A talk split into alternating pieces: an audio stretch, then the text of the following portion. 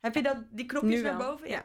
Oké. Ehm, de code-telefoon is een vraag ingestudeerd. Ges- Godverdomme. Ja, zie je, ik ga er meteen uit. Kun je deze erin laten, alsjeblieft? Welkom bij Koffiecode Podcast. De podcast voor en door geneeskundestudenten. Waarbij wij, gewapend met een kop koffie, voor jou op pad gaan om interviews af te nemen met de leukste, interessantste en meest inspirerende artsen van Nederland. Dit is Koffieko. Hey Ko, ja wat doe je daar? Er staat een carrière voor je klaar. Maar je weet nog niet wat en waar. Een cappuccino maakt het minder zwaar. Dus zet je volumeknop omhoog. Want je luistert Koffie Co en je weet het zo. Pa pa pa pa da ba da ba da. Welkom bij Koffieko de podcast, de special. In de special gaan wij in gesprek over vakoverstijgende onderwerpen. Wij zijn Doris Tessa. En Tiara. En vandaag behandelen we nog een keer, ja jongens, voor de tweede keer het onderwerp ondernemen in de zorg. Omdat het nou eenmaal een ontzettend interessant onderwerp is. En deze keer hebben we natuurlijk weer een andere super interessante gast. Namelijk Philip Kroon, de oprichter van onder andere Medimaat. Nou, Philip, welkom. Leuk Ja, dat je bij ons op bezoek bent in de studio. Is dit jouw eh, podcast debuut? Zeker. Ja, de allereerste De keer allereerste keer. in een radiostudio. Ja, ja. Het Nou. bevalt nu al.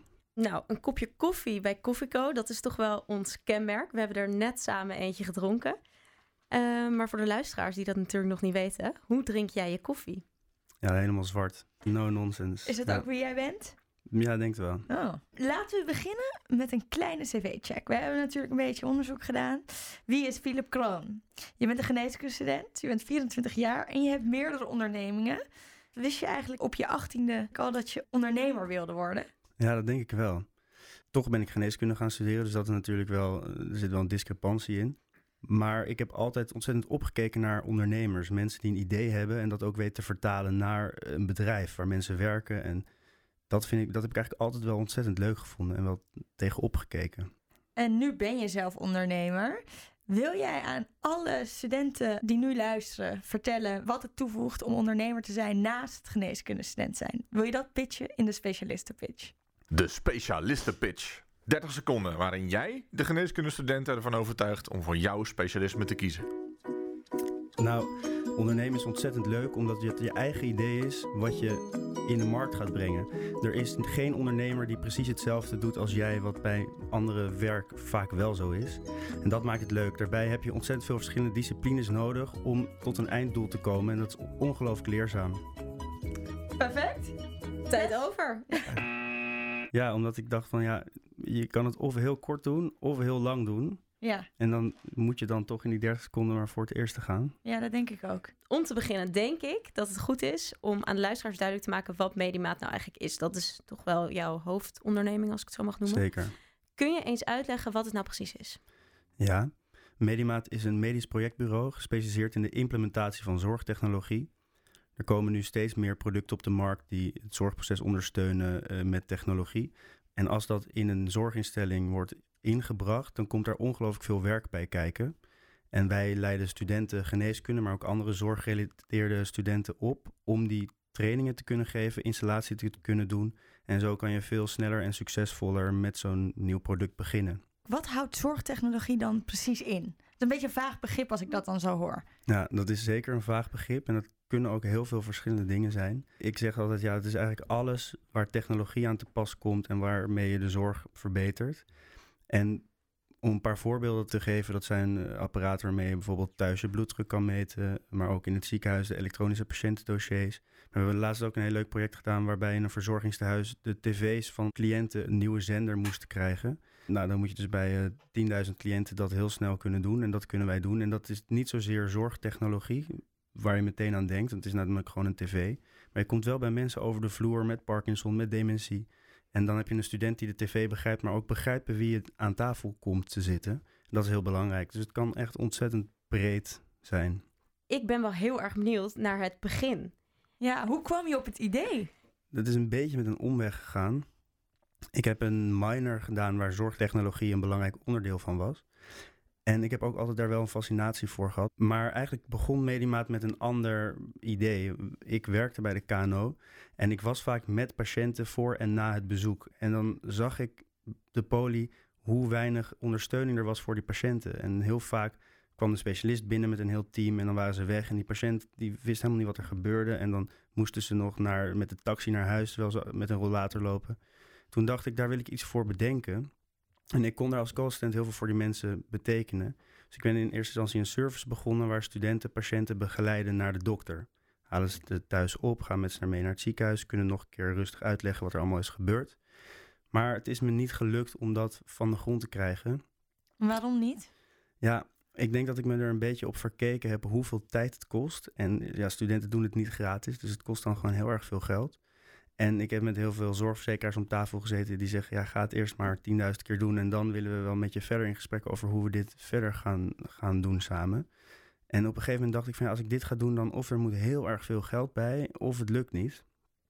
Ehm, en wat ik ook deed bij de KNO, was, dat was eigenlijk mijn baan daar, om te ondersteunen met de implementatie van Epic daar. Dat was toen het nieuwe elektronisch patiëntendossier. Dat had ontzettend veel voet in de aarde. En toen kwam ik een beetje via via op dat idee van daar, diezelfde student die ik toch al had, die kunnen we daar ook voor gebruiken. Het was mijn eerste project, een project voor KPN. Die hadden een apparaat waarmee je thuis, uh, als je last hebt van hartritmestoornissen, druk je op een knop en dan sturen ze een ECG via wifi of via zelfs uh, met een simkaart naar je cardioloog. Een event recorder. En dat moest bij 2200 huisartsen in heel Nederland, van Texel tot aan Maastricht, moest dat geïnstalleerd worden en een training gegeven worden.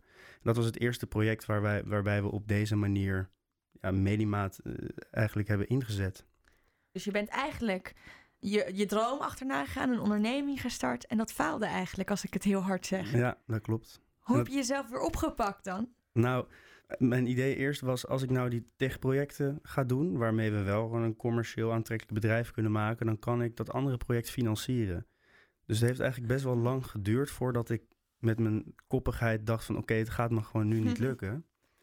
En ja, weet je, er gaan dingen gebeuren die niet lukken. Dat is altijd zo. En ik denk dat je dan beter flexibel kunt zijn. En denk, oké, hoe gaan we de koers dan bijstellen om toch bij een goed eindproduct te komen. In plaats van heel koppig zijn op dit wil ik doen. Maar het lijkt me toch wel een harde confrontatie. Dat iets wat je dus wel zo lang hebt gedacht dat zou lukken, dat dat dan niet meer lukt. Nou, maar het was ook wel een goede les, denk ik. Want we komen nu in een tijd in de geschiedenis dat we niet meer alles met mensen op kunnen lossen. Want er is ontzettend veel werk op dit moment. Uh, en we kunnen eigenlijk die behoeften niet, uh, niet vullen. En niet alleen in de geneeskunde. Dus het idee achteraf om mensen handen in te zetten om zo'n probleem op te lossen. Ik denk dat het achteraf misschien ook een beetje een naïef was. Dus jammer dat het niet is gelukt, maar het heeft me wel die lessen gegeven om tot een nieuw product te komen. En ik geloof er echt in dat we nu nog steeds de zorg aan het verbeteren zijn. Ik ook. En um, wat waren de dingen waar je tegenaan liep? Nou, het eerste project wat we deden, ik kan me nog heel goed herinneren. Ik was, ik was via via met KPN in contact gekomen en zij vroeg of ik dat kon doen. Nou, dat kon ik wel, dus dan ga je offertes maken. En alles was nieuw voor mij. Dus op het moment dat ik die offertes maakte, ik had nog geen bankrekeningnummer, ik was nog niet ingeschreven bij de KVK en dat duurde allemaal maar. Dus dat was best spannend, want ja, je wil toch een beetje de schijn hoog houden. En uiteindelijk was het allemaal geregeld en we hadden een handtekening onder het contract gezet en dat ging echt om meer geld dan ik ooit in mijn leven had gezien. En s'avonds ging letterlijk champagne open. En s ochtends werd ik wakker en ik dacht echt, hoe ga ik dit doen? Ik was echt in paniek. Ik denk, waar ben ik aan begonnen? Maar goed, je bent ondernemer en het is niet een baan waarvan je kan zeggen: Sorry, ik heb te veel stress, ik stop. Je moet door. En je moet zelf proberen een manier te vinden om dingen gedaan te krijgen. En dat ben ik gaan doen. En dat heeft heel veel stress opgeleverd, maar het was wel ontzettend leuk en ontzettend leerzaam. Dus ja, zo'n project, net zoals eigenlijk het eerste idee van Medimaat, dat gaat nooit precies zoals je denkt dat het gaat lopen. Maar uiteindelijk, als je, als je toch een beetje slim daaraan werkt, dan uiteindelijk komt dat wel goed. Ik denk dat het voor de co-assistenten en de geneeskundestudenten die nu luisteren, super belangrijk is om concreet te weten je hebt een idee. Je hebt zelfs twee keer een idee gehad. Je hebt misschien wel nog veel meer ideeën gehad. Hoe begin je dit? Je moet het gewoon gaan doen. Je moet niet bang zijn dat er iets misgaat of te veel van tevoren bedenken.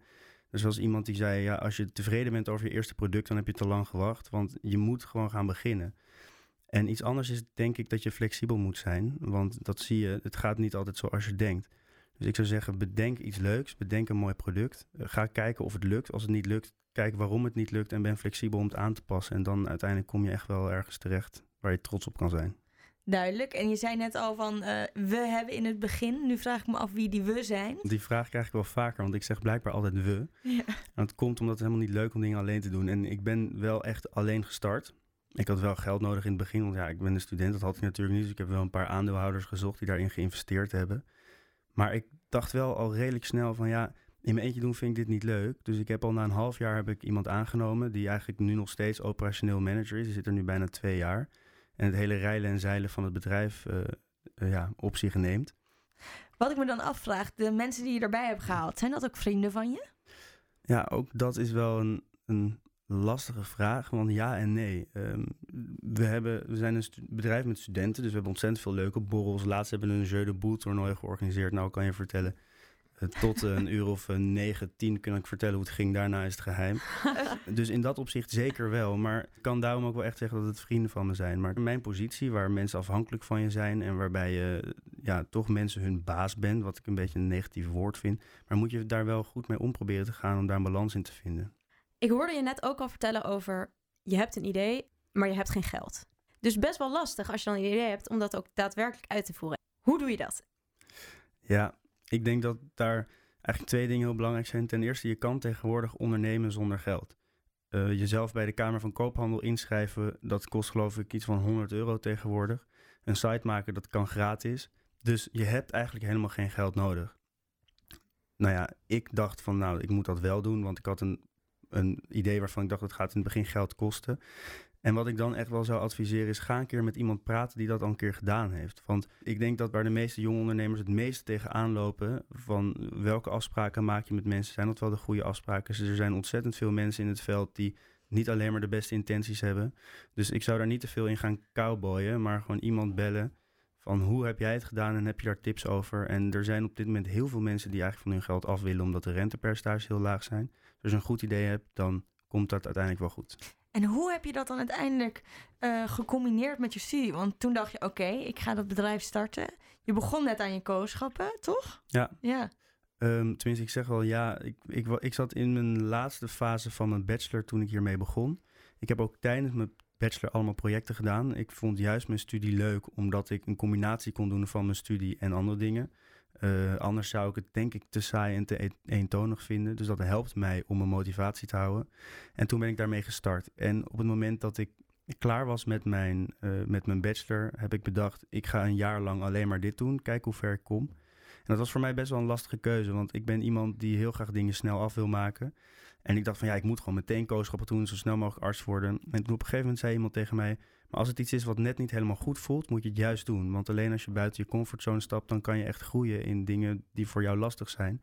En dat heb ik gedaan. Tip 1 voor de co is dat. Je hebt een enorme affiniteit voor techniek, zeg je al. Er komt natuurlijk heel veel techniek op ons af als jonge dokters, vooral in de toekomst. Hoe zie jij dit? Ehm, hoe ik het in ieder geval zie is dat we als arts ons moeten gaan trainen om anders over de toekomst na te denken. Wij zijn ontzettend gewend en we leren heel veel dingen die er al zijn. Als je in Delft studeert, dan ben je constant bezig met hoe gaan we dingen ontwikkelen die er nog niet zijn. En ik denk dat als we dat weten te doen, dan zijn we veel meer voorbereid op dat wat we nog niet weten. Ehm, maar ik denk zeker dat er ontzettend veel geautomatiseerd gaat worden, eh, wat er ook in andere branches al gebeurt. Ik denk dat, dat patiënten veel meer autonomie krijgen omdat ze hun eigen data beheren. Ehm, en ja, dat zijn, er zijn nog veel meer technologische ontwikkelingen die ons gaan helpen en de patiënt gaan helpen. En dat, ja, dat gaat er wel aankomen. Maar eigenlijk vergelijk je de geneeskundestudie met een Delft-studie. En onze focus ligt dus meer op het verleden. Hoe vind je dat? Ja, dat vind ik wel jammer. En ik denk ook dat heel veel mensen het niet met me eens zijn. Ehm, maar ik denk dat, dat dat is gewoon een beetje hoe we worden opgeleid. Ja, weet je, je hoest, je hebt koorts en je, en je ziet wat op de longfoto, dan heb je een, eh, dan heb je een pneumonie. Maar we denken eigenlijk nooit van, ja, wat gaat bitcoin of wat gaat de technologie daarachter, de blockchain, betekenen voor de zorg? En wat daar dan gebeurt, is dat studenten of uiteindelijk artsen iets nieuws voor hun neus krijgen en gewoon mijn god niet weten wat ze daarmee aan moeten. En ik denk dat daar nog heel veel ook binnen de opleidingen te winnen valt. Dus ik weet niet of ik zo helemaal je vraag beantwoord. Ja, maar- eigenlijk wel. Ik sta een beetje versteld. Ik heb hier namelijk zelf nog nooit over nagedacht. Nee, Nee, ik ook Want niet. hoe, hoe, wat, wat gaat de blockchain betekenen voor de zorg? Ik heb hier gewoon geen antwoord op. Dit is een zo'n goede vraag om te stellen. En artsen in Nederland, die stellen hem niet. En jij wel. Hoe komt dat? Ja, ik denk dat dat wel door Medimaat komt. Dat je toch in aanraking komt met nieuwe producten en daar eens over na gaat denken. Nou, een leuk, heel simpel voorbeeldje. We hebben op een gegeven moment bij Cordaan, een grote zorginstelling in Amsterdam, hebben we iPads aan ze gegeven en ze daar een training over gegeven. En we kregen op een gegeven moment een vraag van iemand: wat moeten we met een tv zonder snoer? Maar dat is hoe ver de technologie en de zorg van elkaar afstaan. dus ik ontwikkel geen technologie. En nou, vanuit mijn kooschappen zit ik dan wel aan de artsenkant. Maar wat wij doen, we gaan daartussen zitten. Hoe zorgen we dat we de vertaalslag maken van die technologie naar de eindgebruiker? En dat is dan of een patiënt, of een arts, of een verpleegkundige, of wie dan ook. En dat vind ik ontzettend leuk, want daar stranden heel veel projecten. Dat is wat ik in de loop van tijd ben gaan zien. Nou ja, goed. Als je daarmee bezig bent, dan leer je daar toch wat meer over nadenken. Van ja, hoe, hoe zorgen we dat we de zorg efficiënter gaan maken, goedkoper gaan maken. Komt een beetje met de tijd, denk ik. Als ik dit zo hoor, dan een van de eerste dingen die in mijn hoofd oppopt, waar blijft de rol van het menselijke? Hè? Het menselijke wat wij als dokter, ja, wat zo'n belangrijke rol speelt voor als je dokter bent. Ik denk dat heel veel mensen daar bang voor zijn als de technologie dichter bij de zorg komt. Hoe sta jij daarin? Ik denk dat het ook een deel gewenning is. Eh er is een heel bekend filmpje dat ze, in, ik geloof in 2000, aan mensen gaan vragen van hoe zie je de mobiele telefoon? Ja, dat hoef ik echt niet, zeiden ze allemaal. Dus ik denk dat het een deel ook een soort cultuuromslag is. Dat is het sowieso. Ook als wij trainingen geven bij Cordaan is het voor een deel een cultuuromslag. Mensen die al 50 jaar lang of 30 jaar lang in het vak zitten, moeten het opeens anders gaan doen. En ik denk ook dat we moeten gaan zorgen dat we dat menselijk ook echt het menselijke houden. En als je nu ziet hoeveel geld er wordt besteed in de zorg aan planning, management, Ja. et cetera, dan is daar nog heel veel te, houden, te halen om te zorgen dat de mensen die in de zorg werken ook echt aan het bed staan en ook echt die persoonlijke zorg geven. En als we dat voor elkaar krijgen met z'n allen, nou ja, dan, dan ben ik een gelukkig mens. Ja, Dus eigenlijk kan de technologie er juist voor zorgen dat de zorg weer wat meer tijd heeft om menselijk te worden. Ja, dat, Ja. dat hoop ik. Dat is dus allemaal een beetje gissen. Ja. We weten het niet. Er zijn heel veel slimme mensen die daar ideeën over hebben. Maar ik denk dat als we onszelf aanleren om er toch een beetje op die manier over na te denken, dan wordt het in ieder geval makkelijker om ermee te starten. We hebben het nu eh, heel erg over de techkant, wat Mhm. super interessant is. Maar je zit hier natuurlijk als ondernemer en als geneeskundestudent. Ja. Hoe combineer je die twee? Nou, jullie hebben natuurlijk eerder een podcast over eh, ondernemen gehad. En iets waar ik heel anders tegenaan kijk was de vraag van wat wil, wat wil je liever doen, of ondernemen of arts. Ik denk eigenlijk dat dat niet twee verschillende dingen zijn. Ondernemen is iets wat je doet vanuit een vakgebied. Dus mijn kooschappen zijn, staan natuurlijk wel los van Medimaat, maar ik integreer het eigenlijk met elkaar. Ze zorgen er alle twee voor dat ik mijn eigen leerdoelen haal, als we toch nou eventjes in de universiteitstermen blijven, waar ik eh, wil staan op een gegeven moment. En ja, hoe doe ik dat? Ja, ik kan er natuurlijk niet helemaal omheen dat dat wel heel veel tijd kost ook. Maar ik vind het ontzettend leuk en dat maakt dat ik die tijd er ook in wil stoppen. En je moet efficiënt zijn. Dus als ik tussendoor een uur heb, dan ben ik aan het werk. Als ik avonddienst heb, dan ben ik overdag op kantoor. En als ik vakantie heb, ben ik vaak ook aan het werk. En ik zorg dus dat de fulltimers die bij mij op kantoor werken, hun werk heel leuk vinden, zodat zij ook die tijd erin willen stoppen. En zodat ik ze niet altijd hoef te controleren. En ik vertrouw ze dan ook dat ze hun werk goed doen. Ja, je vertelt het nu eigenlijk heel stoer, maar er moet toch ook wel een keer een moment zijn geweest dat je met je handen in het haar zat en dacht: Oh, ik kan niet meer. Zeker. Ja? Ik, moet, ik denk dat als je naar mij kijkt van wat heb ik eh, geleerd afgelopen 2,5 jaar, ik denk dat ik wel een wat dikkere huid heb gekregen. Dus als we dan over het KPN-project hebben waar we het eerder over gehad, ja, toen kon Mhm. ik echt nog wakker liggen van dingen die niet werkten. En dat ben ik wel een stuk minder gaan doen. Nou, verschuiven die problemen zich ook een beetje, want je groeit, dus er komen steeds grotere problemen kijken. Maar er zijn absoluut ook wel momenten geweest dat ik dacht van ja, ik weet nu echt niet wat ik moet doen. En Ja. dan? Ja, dan wat voor mij werkt is om gewoon even één klein stapje terug te doen. Ook zorg ik niet te veel uitgaan, zodat ik eventjes wat tijd heb om die rust op te zoeken. Ja. En op een gegeven moment komt er ook wel een moment dat je een keer op vakantie gaat. En dan ben je, zit je er ook wel heel snel weer in je oude ritme. Dus dat gaat wel snel weer goed. Even een stapje terug. Ja, Even een stapje terug. ja heel goed. En hoe ziet jouw dag er nou uit als ondernemer en geneeskundestudent? Ehm, ja, ik zit helaas wel veel op mijn telefoon. Want daar gebeurt dan het medimaatgedeelte. En ja, net zoals jullie allemaal sta ik gewoon 's ochtends vroeg op. Vaak met een heel klein beetje tegenzin om naar mijn kooschappen te gaan. en dan start ik. Ehm, en ik probeer er eigenlijk wel voor te zorgen dat ik al het werk wat gedaan moet worden zo snel mogelijk doe. Dus ik, ben ook, ik heb ook wel geoefend met efficiënt zijn. Dus tussendoor of tijdens de lunch moet ik vaak even bellen of moet ik vaak eventjes eh, berichten sturen. En dat zorgt ervoor dat ik als ik klaar ben met de overdracht 's middags wel met de meeste dingen klaar ben. Behalve dan dat alle afspraken die ik voor Medimaat heb wel vaak s'avonds zijn. Ehm, dus het is wel, ja, ik, ik lig wel vaak, eh, ben, ik- ik ben wel vaak pas half elf, elf uur thuis. Je zegt op elke plek in het ziekenhuis ga ik wel even bellen als ik even kan. Wat is de gekste plek waar je wel eens een keer een mailtje of een eh, belletje hebt gepleegd? Ja, dat is leuk. Ik, ik, dat ging ik dus laatst bedenken. En ik denk dat als ik je mail, dan is de kans heel groot dat ik op de wc zit. maar je zegt het nu heel makkelijk en wij lopen alle drie kooschappen. Soms is het best wel lastig, omdat je wil er ook zijn op je kooschappen. Je wil ook shinen op je kooschap. Ja. En jij moet dan af en toe weg voor een belletje en een mailtje. Hoe, Ja. hoe wordt dat opgevat door mensen? Nou, het leuke is dat ik denk dat het juist ontzettend mijn kooschap ontzettend stimuleert. Want toen ik net aan mijn kooschappen begin, zijn de mensen om je heen toch vaak nog een beetje de onzekere code heel erg moeten uitzoeken van hoe benader je de specialist en hoe zorg je dat je meedraait in het team, hoe werk je efficiënt. En dat heb ik vanuit mijn werk voor een heel groot gedeelte al, al geleerd. Want ik werk op directieniveau met allemaal hele grote instellingen. En ook met artsen voor implementaties. En op, er zijn ook heel veel artsen die naar mij toe komen van laatst een KNO-arts die zegt van... Filip, ehm, ik wil eigenlijk al heel lang een, zelf een praktijk beginnen... maar ik weet gewoon niet hoe ik het moet doen en waar moet ik beginnen. Dus je krijgt een hele andere rol als kwam naar jou toe. Ja, de verhouding tussen specialisten is niet altijd, maar is vaak wel wat makkelijker. En ik ben altijd wel iemand dat ik denk als ik op een afdeling loop... dan zoek ik een specialist uit met wie ik het goed kan vinden... en dan zorg ik dat ik daar gewoon een beetje band mee heb en polies en dat helpt. Dan Ja. heb je een beetje steun daaraan. Je pakt het wel slim aan, zeg Ja. maar. ja. En je zegt nu, ja, eigenlijk werkt het dus best wel mijn voordeel. Wat heb je er nog meer uitgehaald? Nou, ik denk vooral dat ik door Medimaat en door het ondernemen, door alles wat ik er buiten doe, mijn kooschappen gewoon veel leuker vind. Omdat, ja, kooschappen zijn natuurlijk ook best een lange sleur. Ehm, het is echt niet zo romantisch als dat je denkt op het moment dat je geneeskunde gaat studeren. Misschien Zeker moeten jullie niet. daar ook nog een keer een leuke podcast over doen. Goeie. Ja. Maar omdat ik Medimaat doe, is er altijd wel iets wat ik echt ontzettend leuk vind. En dat houdt voor mij ontzettend veel motivatie erin. Dus die motivatie die is voor mij makkelijker door alles wat ik erbij doe. Dan denk ik dan dat ik alleen maar kooschappen zou doen. Oké. En je zei, ik heb ook een dikkere huid gekregen. Zijn er nog meer dingen die je meeneemt uit het ondernemen in je Ja. kooschap? Oh, zeker. Dus op het moment dat je moet gaan eh, ondernemen, dan moet je ontzettend veel verschillende dingen kunnen. Dus ik ben verantwoordelijk voor de financiën, voor het uitbetalen van mijn medewerkers, voor het aannemen van nieuwe medewerkers, sales, alles. Dus je leert op ontzettend veel vlakken leer je hoe je daarmee om moet gaan.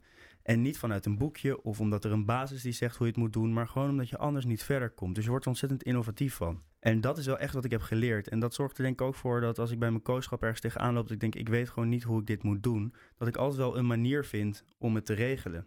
Nou ja, een voorbeeld is dat ik moest een belangrijke afspraak doen met een klant. Maar het kwam er elke keer niet van door mijn kooschap, want dat is natuurlijk wel lastig. En ja, ook wel spannend. was een directeur van een heel groot bedrijf en het gaat om veel geld. En op een gegeven moment heb ik hem gewoon een mail gestuurd van... hey, het spijt me dat het zo lang duurt en kan ik je verleiden om toch een keer gewoon met me te komen eten s'avonds? En dat is denk ik ook wel wat ik heb geleerd. Het is ook, je, je kan het eigenlijk niet fout doen, want iemand kan altijd nee zeggen. En in het begin vond ik dat heel moeilijk, maar nu niet meer. En dan krijg je een mailtje terug van ja, is goed, laten we het gewoon doen. En dan kun je volgende week donderdagavond en dan is het geregeld. Ja. En ja, dat zijn wel dingen die je leert. Ik merk hier aan dat je dus eigenlijk ook meer bent leren durven. Durven vragen. Is Ja. dat ook zo op je kooschappen? Ja, denk ik wel. Ja. Ja. ja, ik zorg echt wel dat ik de dingen doe die ik leuk vind. En als er een keer een hele toffe operatie is, ik schroom niet om naar de specialist te gaan. En, ik, en ook niet als ik vind dat een specialist, dat hangt er een beetje vanaf wat voor relatie ik met een specialist heb. Als er iemand heel onaardig is, dan zeg ik het ook. En de grap is dat dat werkt. Iemand zei, en dat is nog een mooie one-liner ook tegen mij, je succes dat is af te lezen aan hoeveel moeilijke beslissingen en hoeveel moeilijke gesprekken je durft aan te gaan. En daar geloof ik heel erg in, want ik hoor eigenlijk altijd als iemand niet blij is in zijn werk. En laatst weer een vriendin van mij is aan het promoveren, die liep heel erg aan tegen haar promotoren die allemaal dingen niet regelden en het gevoel dat die er niet haar waren. Ik zeg maar, ben je het gesprek met ze aangegaan? Nee, nee, nee, want dat durf ik eigenlijk niet. Maar als je dat wel doet, dan zijn er twee opties. Of het werkt en ze zeggen je hebt gelijk en we gaan we meer voor je inzetten. Of ze gaan niet met je mee en dat is vervelend, maar je hebt het in ieder geval wel van je hart. En dat helpt ontzettend. Probeer wel een beetje, denk ik, eh, te schatten bij wie je het doet. Want je hebt ook wel mensen waarvan je denkt van, nou, kan ik maar beter even laten. Mensen doen het over het algemeen niet omdat ze onaardig zijn, maar omdat ze ook stress hebben. Maar ik denk zeker als het een wat langdurige relatie is, omdat iemand je baas is of wat dan ook, dan helpt het ontzettend. Ja. Nu vraag ik me af, wat is eigenlijk de meest bizarre situatie waar je in bent beland als ondernemer zijnde? Ehm, even denken hoor. Nou, ik denk dat eigenlijk tot nu toe dat nog steeds wel het KPN-project was. Ja? Nou, daar hebben we het eigenlijk al een beetje over gehad. Maar omdat je... Je komt in een wereld die totaal nieuw is. Met een bedrijf wat totaal nieuw is en gigantisch is. En jij bent de kleine ondernemer. En je bent echt vanuit een beetje van... Ik, op een gegeven moment was ik op vakantie en ik zat vanaf het strand zat ik te mailen. En ja, dat was denk ik wel het bizarste. Hoe ik dat heb Dat kan ik kunnen me doen. wel voorstellen. Ja. Maar we hebben het nu de hele tijd over wat jij als ondernemer hebt meegenomen en hoe je dat dan gebruikt in je kooschappen, wat dat je heeft gebracht. Maar natuurlijk is het ook, neem ik aan, andersom. Je bent fulltime co-assistent. Ja. Je bent zelfs eigenlijk nou, bijna, bijna dokter, anderhalf jaar nog ongeveer. Ja. Wat brengt het bijna dokter zijn jou als ondernemer? Ja, misschien nog wel meer dan andersom. Want je kooschap is een ontzettend leuk kijk in de keuken van hoe is de zorg georganiseerd. Je komt op heel veel verschillende afdelingen en je ziet heel veel patiënten en je ziet heel veel specialisten. En ik kan dat dan weer vertalen naar mijn bedrijf van hoe denk ik dat ik daar wat aan kan gaan doen.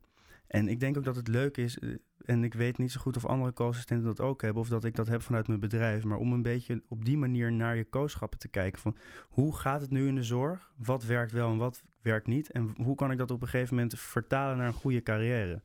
Eh, en ook bij Medimaat, ja, daar gaan we dan kijken naar projecten. Waar zie ik kansen om technologie in te zetten? Eh, waarbij een zorginstelling waar ik een kooschap loop, zou ik misschien nog binnen kunnen komen om te helpen met implementatie van niet. Dus dat, dat werkt twee kanten op. Maar dat werkt zeker ook van mijn kooschappen naar mijn ondernemers. Maar zijn er bepaalde artsenskills die je meeneemt naar de ondernemingstafel? Ja, onbewust denk ik wel. Toch wel gesprekstechnieken en eh, hoe ga je met weerstand om, et cetera. Maar ik denk eigenlijk dat we juist vanuit de artsopleiding te weinig van die skills meekrijgen. Er zijn zo ontzettend veel dingen die heel erg nuttig zijn om de zorg goed te organiseren en ook om een afdeling te runnen die gewoon niet in de opleiding voorkomen. Als voorbeeld, als je MBO goudsmeden gaat doen, dan krijg je een blok ondernemen en een blok finance en een blok management. Als arts ben je heel vaak ondernemer, namelijk je hebt een maatschap, je hebt een eigen praktijk, Ja. je doet er iets naast. Je hebt een begeleidende rol voor artsassistenten en co-assistenten, maar ook dat komt niet voor. Dus ik denk eigenlijk dat daar nog wel eh, veel in te winnen valt. De co-telefoon. Ja, de co-telefoon. Ehm, de co-telefoon is een vraag ingestuurd door een van onze luisteraars via onze Instagram. En dit keer is hij ingestuurd door Lisa Lotte Gerards. En de vraag luidt... Door Lisa Lotte Gerard. Wat Hoezo? leuk. Waarom, waarom lach je daar zo bij? Nou, die ken ik. Dat is Oh. mijn vriendin. Oh, vandaar. Nou, we hadden wel meerdere vragen ontvangen En van blijkbaar haar. heb ik geen tijd om haar vraag te beantwoorden, dus dan doet ze het maar op deze manier. Nou, Dankjewel, Lieselotte. Lieselotte is heel benieuwd naar je allergrootste werkblunder. Ja, ik denk dat het best wel een hoop zijn, maar ik, eentje die ik wel he- eigenlijk wel heel leuk vind. Dat was, eh, we werkten op een project en daar zaten de hele dag studenten achter de computer bij een grote klant. En op een gegeven moment word ik gebeld door de manager daar en die belt me boos op. En ik was daar toen niet aanwezig. En het kwam dat, dat er een student die blijkbaar niet zoveel te doen had, die zat onderbroeken te shoppen op de computer. Maar ze hadden daar een directieoverleg, waardoor de hele raad van bestuur langs kwam lopen. En die keken door het raam en die zagen dus allemaal naakte mannen in onderbroek zagen Nee, ze langskomen op dat ding. Dus zij belde super boos op.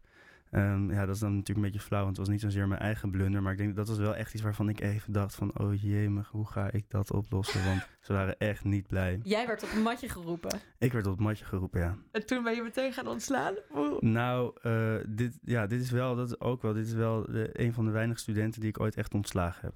Oké. Maar dat was niet hierom, maar Nee. ja. Onder andere. Ja. onder andere. Want je zegt dit nu, het is een van de weinigen die ik ontslagen heb. Ja. Dat is iets wat je denk ik in je geneeskundestudie ook niet leert. Hoe Nee. moet je iemand ontslaan? Ja, dat is echt ongelooflijk moeilijk. Nou is bij mij het voordeel dat iemand niet heel erg afhankelijk van mij is. Want het zijn over het algemeen studenten die dat als studentenbaan doen. Als het gebeurt, dan is het over het algemeen wel echt om een hele goede reden. Maar ja, ik denk dat dat wel een beetje overeenkomt met een slecht nieuwsgesprek. Dat je ook gewoon de, de pleister eraf moet trekken en dan in goed gesprek gaan. En dan hoop je dat je op een manier komt dat je, dat je denkt van ja, het werkt voor alle twee eigenlijk niet. Dus we kunnen hier beter mee stoppen. Maar dat kan best lastig zijn. Kon je- ging dat de eerste keer meteen soepel? Nee, Nee? nee. Maar de- de- het is ook, er is ook denk ik niet heel erg goed of fout in. Maar nee, dat, ik vond dat de eerste keer echt ontzettend moeilijk. Want het gaat niet alleen maar om dat je iemand zijn studentenbaan afpakt. Maar het gaat er ook om dat je echt iemand zegt van... je hebt het zo ver laten komen dat ik gewoon niet met jou verder wil. En dat, is, dat, dat is, kan best lastig zijn. Ja, Ja. heel lastig. Nou, ik hoop dat we dat later als dokter zijn en niet echt hoeven te doen. eh, Nee. Ja, manier. maar dat is dus het probleem. Dat ga je waarschijnlijk wel moeten doen als dokter. Zeker als je als specialist in een ziekenhuis komt te werken, ben je manager van al die studenten. En daar Ja. moet je je wel van bewust zijn.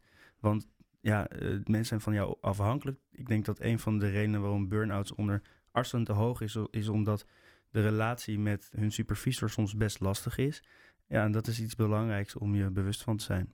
Je noemde burn-out. Ehm, hoe voorkom je bij het combineren van ondernemen en arts zijn zo'n burn-out? Nou, als je leuk vindt wat je doet, dan raak je niet zo snel burn-out.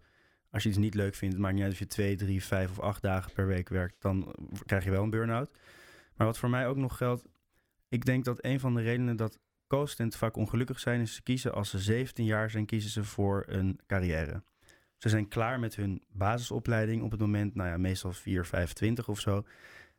Iedereen gaat twijfelen aan wat je gaat doen, wat je wil gaan doen in die periode. Maar daar is helemaal geen aandacht voor. En we denken allemaal dat we hebben gekozen en we moeten maar door. Maar ik heb gezien dat ik geneeskunde en arts zijn heel erg leuk vind, maar dat er ook nog heel veel andere carrièrekansen voor mij op, op mijn pad liggen. Waardoor ik ook wat minder spastisch hoef te doen over hoe het allemaal gaat bij mijn studie. Ik denk dat als meer studenten dat zich realiseren, dat er nog een heel grote wereld is aan ander werk wat je kan doen en wat ontzettend leuk is, dan gaat denk ik de druk er een beetje af. Ik vind het toch wel heel interessant, want je hebt eigenlijk zowel kan jij kiezen voor een carrière in de zorg, als voor een carrière in het bedrijfsleven, noem ik het maar even zo. Ja. En als ik dat vergelijk met mijn vrienden en vriendinnen, dan zie ik dat een carrière in het bedrijfsleven soms wel wat makkelijker is. Je krijgt wat meer extra's, en misschien wel een auto, en misschien krijg je wel een werktelefoon. Ja, zeker. En dat is in de zorg niet zo. Nee, ik geloof erin dat secundaire arbeidsvoorwaarden bijna nog belangrijker zijn. Dus dat is dan inderdaad je telefoon en je, en je vakantieuitjes en weet ik veel wat allemaal. Dan gewoon je salaris. Je werk is vaak soms nog een groter deel van je leven dan je privéleven. Dus dat moet wel leuk zijn. En het is denk ik, ja, ik weet niet goed wat het is, maar het is denk ik ook een stukje cultuur dat dat in de artsenwereld niet super goed geregeld is. En dat zie je ook wel. Er is toch vaak in maatschappen gedoe. Mensen hebben ruzie met elkaar. Mensen werken heel hard. Er is ontzettend veel uren gemaakt. Ik denk dat dat wel kwalijk is. Want ik denk dat als we daar niet komende tijd eh, op gaan richten om dat te verbeteren, dat er veel meer mensen uit de zorg stappen. En aan de ene kant denk ik dat het goed is als er ook mensen zijn die verder kunnen kijken dan arts zijn. Maar we hebben die artsen wel echt nodig. En we hebben ook artsen nodig die goed in hun vel zitten, die hun werk leuk vinden. En, en goed, ik ben dan niet helemaal de persoon om daarover te oordelen, omdat ik natuurlijk zelf nog geen arts ben. Maar ik zie wel hoe het in het bedrijfsleven werkt. En dat heeft ontzettend veel voordelen.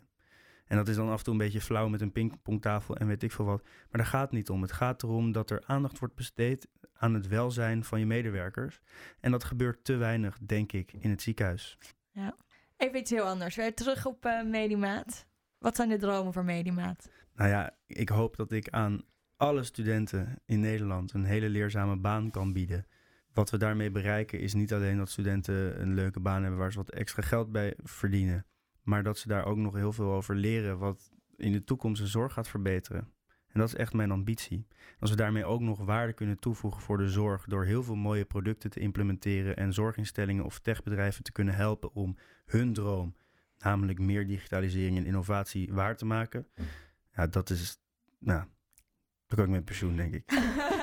nu al op op Nou, de 24 Dat is dan over. eh, Ja. Als Philip 30 is, dan eh, ligt hij aan het strand met pensioen. Nee, Ja. dat zou zeker niet gebeuren. Maar ik ben echt wel ambitieus en ik zie bij, bij Medimaat die droom ook echt wel, nou ja, in bepaalde mate dan natuurlijk, maar waar worden. en daar ga ik voor. Maar heb je dan bijvoorbeeld concrete dingen dat je denkt, nou, dit staat op mijn lijstje. We hebben bijvoorbeeld altijd een to-do-list van, eh, Ja. we willen dit en dit en dit nog bereiken dit jaar. Ja. En je hebt er drie die altijd bovenaan staan waar je het hardst aan werkt. Wat zijn dat bij jou? Nou, voor komend jaar bijvoorbeeld, en dat eigenlijk bijna elk jaar is toch een stuk professionalisering nog van je bedrijf. We moeten ook echt gaan groeien in ons interne personeel om dat waar te maken. En dat is iets wat ik het allermoeilijkst vind. Wie neem je aan fulltime? Wie past er bij je bedrijf? Dat is zo belangrijk en zo moeilijk.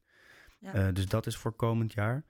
Eh, en ik hoop ook dat ik daarin groei, dat ik dat goed kan blijven aansturen. Want hoe groter het bedrijf wordt, hoe meer efficiëntie en hoe meer vertrouwen ik in mijn personeel moet gaan stoppen. En ja, dat is voor mij staat dat wel echt bovenaan. Ga jij eigenlijk nog wel arts worden? Jazeker. Eh ik moet nog eh, anderhalf jaar. En ik geloof er nogmaals in dat we juist artsen nodig hebben die iets anders kunnen dan alleen maar onderzoek. Heel veel artsen die specialist worden, die gaan eerst promoveren. Maar hoe ik dat een beetje zie, is dan heb je tien mensen in een maatschap of, of in, een, in een stafafdeling en die zijn allemaal gepromoveerd. Dat is net zoals dat KPN zegt van nou, we gaan een nieuwe directie aanstellen en we zoeken vijf financieel directeuren. Ja, dat, dat werkt volgens mij niet. Dat, dat gaat er bij mij niet helemaal in. Dus ik hoop dat ik een andere vorm van kennis, namelijk het ondernemen en nou ja, daar komt ook finance en HR en alles bij kijken, mee kan nemen om daar als arts heel veel te betekenen. Ik weet nog niet helemaal of mijn carrière er dan zo uitziet dat ik echt 30 jaar lang in een witte jas door het ziekenhuis loop. Eh, ik denk dat er heel veel gaat veranderen. Je hoort ook, dat vind ik leuk, in jullie podcast een aantal keer een, een, wat oudere professor zeggen van ik was de eerste in mijn vak. Maar dat gaat voor ons ook gebeuren. En zeker met die technologie. Misschien is er wel een, een specialisme e-health over een paar jaar of iets anders. Ja, en daar probeer ik wel mijn weg in te vinden om dat te doen. Maar ik wil zeker en arts en ondernemer blijven. En wat is het dan als je in het ziekenhuis loopt nog nu tijdens je kooschap een beetje moe en druk met je bedrijf? Wat houdt je dan op de been en zegt van daarom wil ik dokter worden? Ja, dat zijn wel echte patiënten. Ik heb zoveel fantastische patiëntenverhalen nu al meegemaakt. En ja, dat, dat roert me bijna een beetje als ik daarover nadenk. Ehm, ik kom, ja, wat voor mij wel een cruciaal moment in mijn leven is geweest, is dat mijn stiefmoeder, eh, die is overleden in mijn eh, eerste jaar geneeskunde aan longkanker. En hoe dat is gegaan, is, het is bij haar heel lang niet herkend. Ze was jong, ze rookte niet. Ze was eh, 43 toen ze overleed, mijn vader is een stuk ouder. En ze had ontzettend veel pijn. Echt, ze kon, op een gegeven moment moest mijn vader naar haar werk achter haar aan fietsen om haar tas mee te nemen, want ze kon hem niet tillen. Nou, iedereen zei het syndroom van Tietze, solk, eh, weet ik veel wat allemaal. Nou, na twee jaar werd ze eindelijk naar een longarts opnieuw, want de eerste keer is dus gemist, gestuurd. En toen bleek ze dus een wervelmetastase van een longcarcinoom te hebben, waardoor ze zoveel pijn had. En ik heb in dat jaar, en dat was, ik vond het eerste jaar van best ontzettend moeilijk, omdat ik dus zoveel zag wat er misging in de zorg, dat ik dacht van wij leren nu het hele lichamelijk onderzoek een keer kloppen op die wervels. Waarom heeft nooit iemand dat gedaan? En dat was voor mij een heel cruciaal moment. Ik was totaal gedemotiveerd. Ik haalde het wel allemaal, maar ik vond het eigenlijk helemaal niet leuk. Ik ergerde me heel erg aan medestudenten die er maar doorheen praten, want ik dacht van ja, zo gaat het niet werken. En toen heb ik mijn zorgstage in mijn eerste jaar gelopen en daar heb ik een aantal, ja, het was op de interne op de oncologie, dus dat was ook wel weer Bewust beetje- gekozen? Nee, dat werd ingedeeld. Dus dat vond ik eerst best lastig. Ja. Maar ik heb daar, en tien mensen gingen dood in vier weken. Jezus. Ja, en allemaal patiënten voor wie ik direct zorgde, waarvan één reanimatie, de eerste keer dat ik reanimatie deed. En dat was zo ingrijpend, maar ik zag, er waren zoveel patiënten waar ik wat tijd in had gestoken om een band op te bouwen en waarbij je dan zulke bijzondere verhalen krijgt. En bijvoorbeeld een mevrouw ook met longkanker, die ging dood en die wilde nog heel graag haar hondje zien. Toen heb ik met een co-student haar hondje in een plastic zak het ziekenhuis ingesmokkeld, want dat mocht natuurlijk niet. Maar dan maak je mensen zo blij. Ja. En dat heeft mij mijn motivatie echt teruggegeven. Ehm, en dat heb ik nog steeds. Wat een verhaal. Dus eh, ja, je eigenlijk persoonlijke verhaal heeft jou gedreven tot het ondernemen.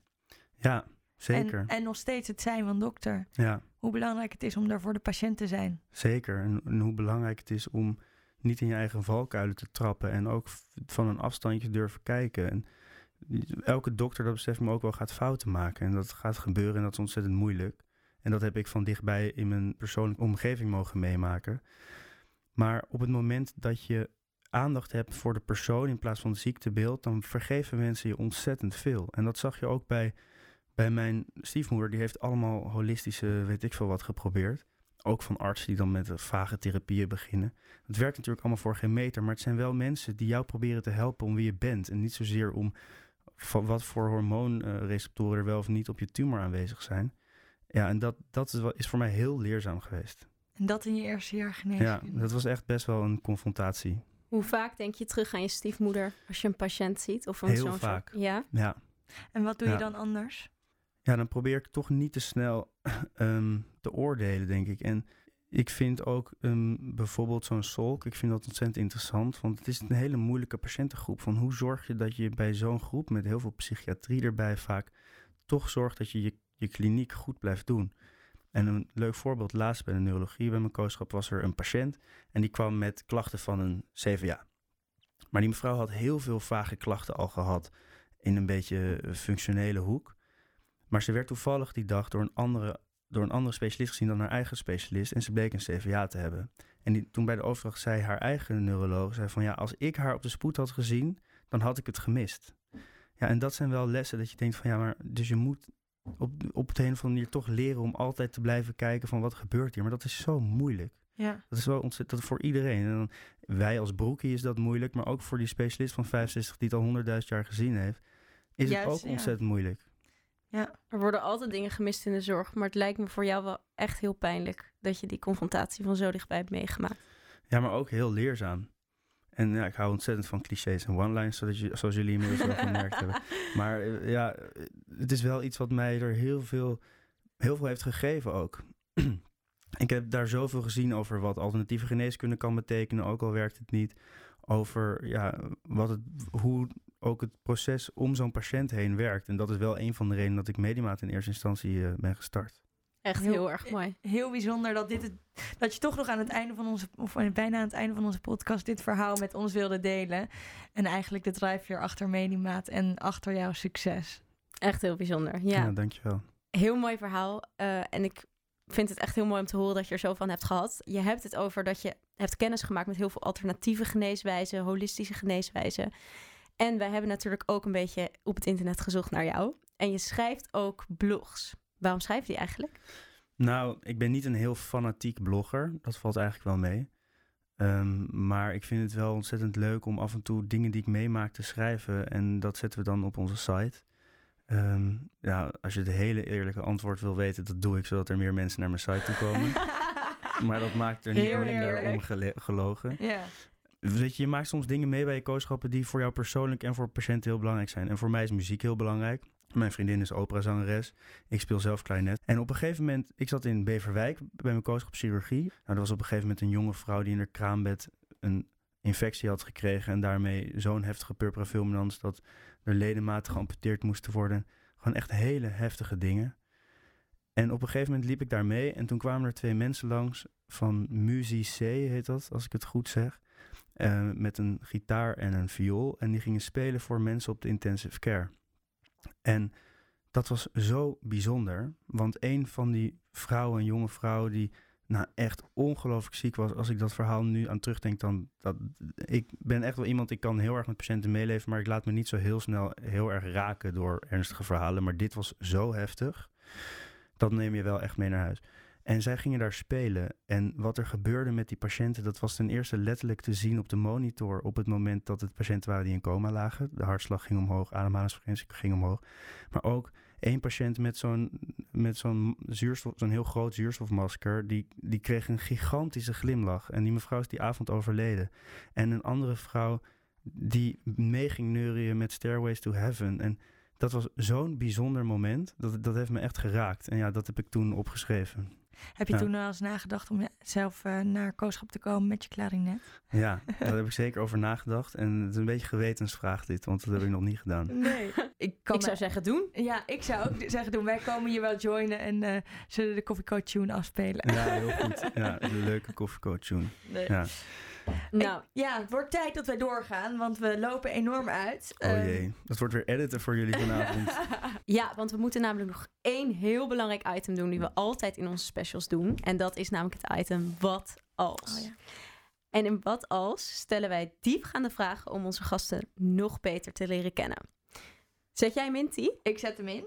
Oké, ben je er klaar voor, Philip? Ja. Wat als je helemaal opnieuw moest beginnen?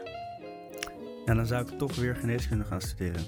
Toch wel? Ja, omdat ik zulke bijzondere momenten de afgelopen vijf jaar heb meegemaakt, die zou ik echt voor geen goud willen missen. Hoewel ik de afgelopen vijf jaar echt ook af en toe wel getwijfeld heb. Ja, die patiëntenverhalen die ga je nergens anders vinden, daar ben ik van overtuigd. Volgende.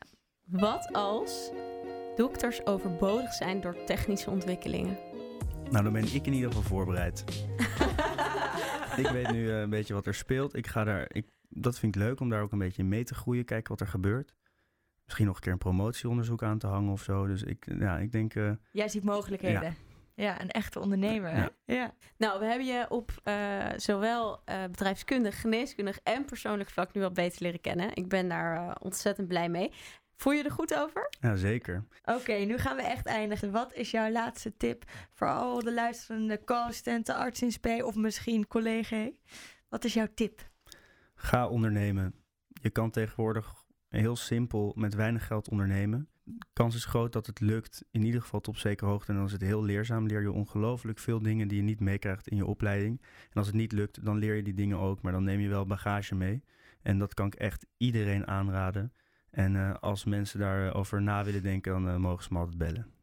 Nou, dat is aardig. Ik weet niet waar ze je nummer gaan vinden, maar dat... Staat eh, online. Kijk Oh, aan. kijk, zelfs online. Nou. Filip, we zijn aan het einde gekomen van de tweede special die over ondernemende zorg gaat. Ik denk dat het ons blik op ondernemende zorg nog meer heeft geruimd dan de eerste special al deed. Dus super bedankt dat je hier wilde komen. Beste luisteraars, leuk dat jullie weer allemaal hebben geluisterd.